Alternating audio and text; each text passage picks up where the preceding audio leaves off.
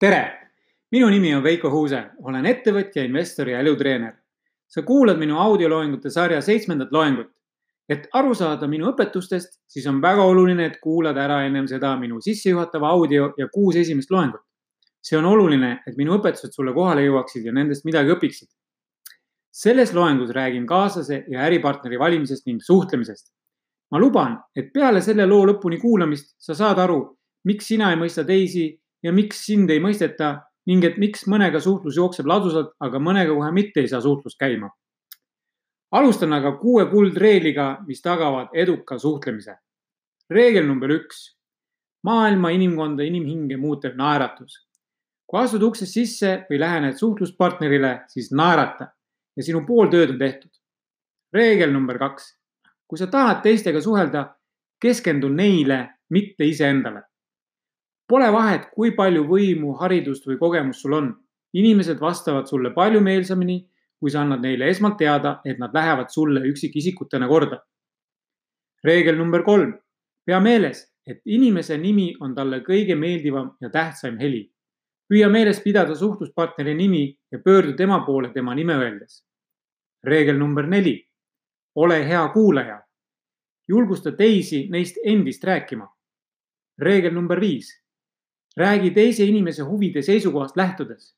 tee teistele seda, mida sa tahad, et nemad sulle teeksid. kohtle teisi nõnda, nagu nad tahavad olla koheldud. tee seda ja sa ei saa kunagi eksida. ja reegel number kuus. pane teine inimene ennast tähtsana tundma ja tee seda siiralt.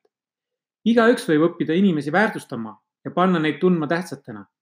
hea näide, kuidas panna teisi tähtsatena tundma, näiteks kui astud ruumi, kus ootab grupp inimesi, siis ütled rõõmsalt tere, siin te mul oletegi. kui sa tahad olla selline inimene, kes paneb teised naeratama, kui nad näevad sind tulemas, tule endast välja, muuda oma fookus ja hakka teiste vastu huvi tundma.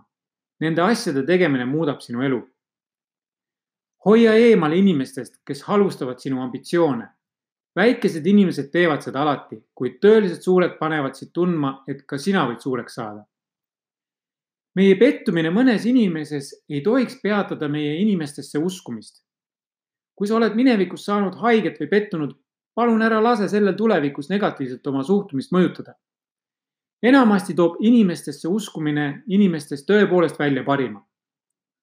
kui sulle ei meeldi inimesed või sa ei usu neisse, siis ei suuda sa seda ka teeselda.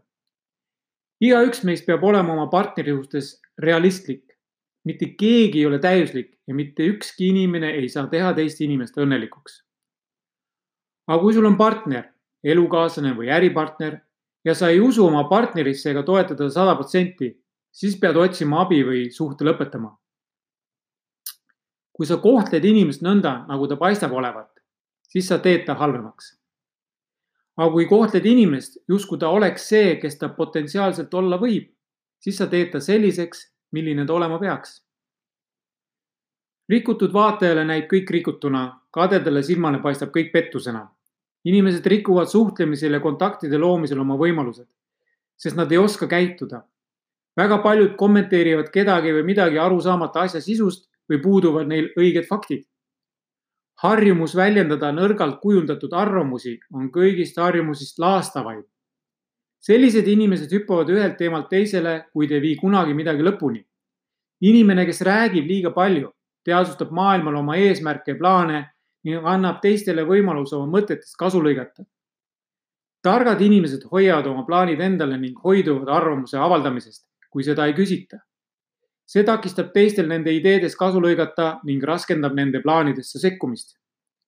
inimesed, kes räägivad vähe, on võimalus teisi kuulates midagi õppida edukad ärimehed on edukad just nimelt tänu sellele, kuidas nad suhtlevad oma äripartneritega ja teiste inimestega väljaspool äri.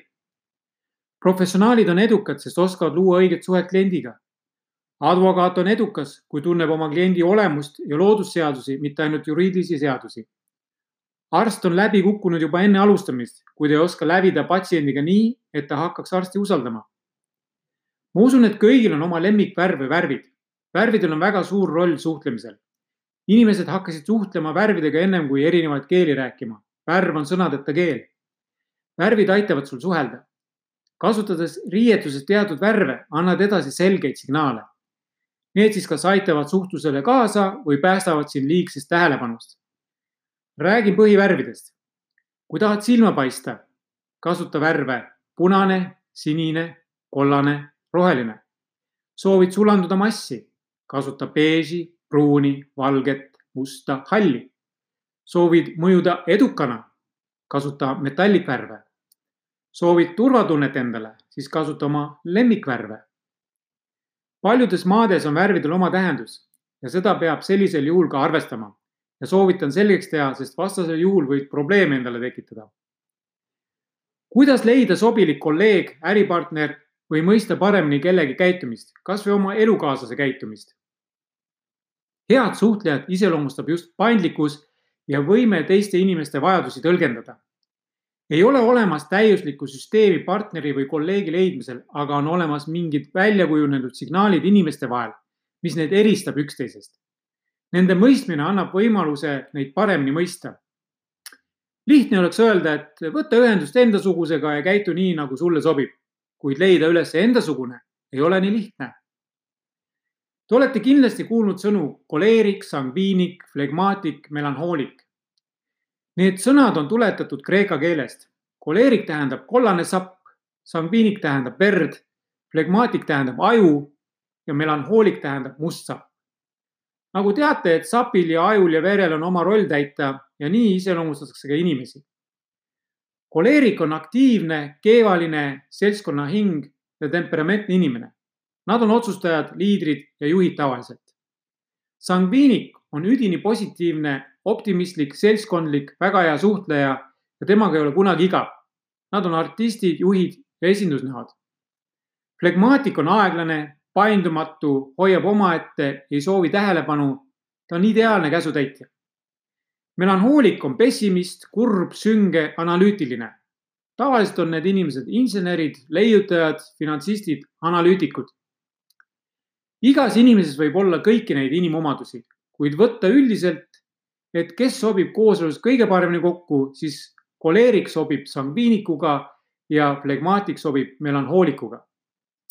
ärisuhtes või alluvussuhtes sobivad nad kõik koos töötama, aga rollid peavad õieti paigas olema. koleerik ei sobi kellegi alluvuses töötama, sangviinik ei sobi töötama flegmaatiku ja melanhooliku alluvuses flegmaatik ja melanhoolik sobivad üksteise alluvuses töötama. see kõik ei ole reegel ja lõpptulemus sõltub inimeste eesmärkidest ja harjumustest. nagu öeldakse, elus on kõik võimalik, sõltub ajast, rahast ja tahtmisest. loodan, et see loeng aitas sind aru saada suhtlemise kunstist. kõige tähtsam on naeratus ja keskendumine suhtluspartnerile. tänan sind, et kuulasid mind kui sul on soov antud teemal põhjalikumalt rääkida, siis saad teha tellimuse minu kodulehel ja lepime aja kokku. soovitan kuulata ka minu järgmisi loenguid. olgem positiivsed ja otsustage oma peaga. peatse kuulmiseni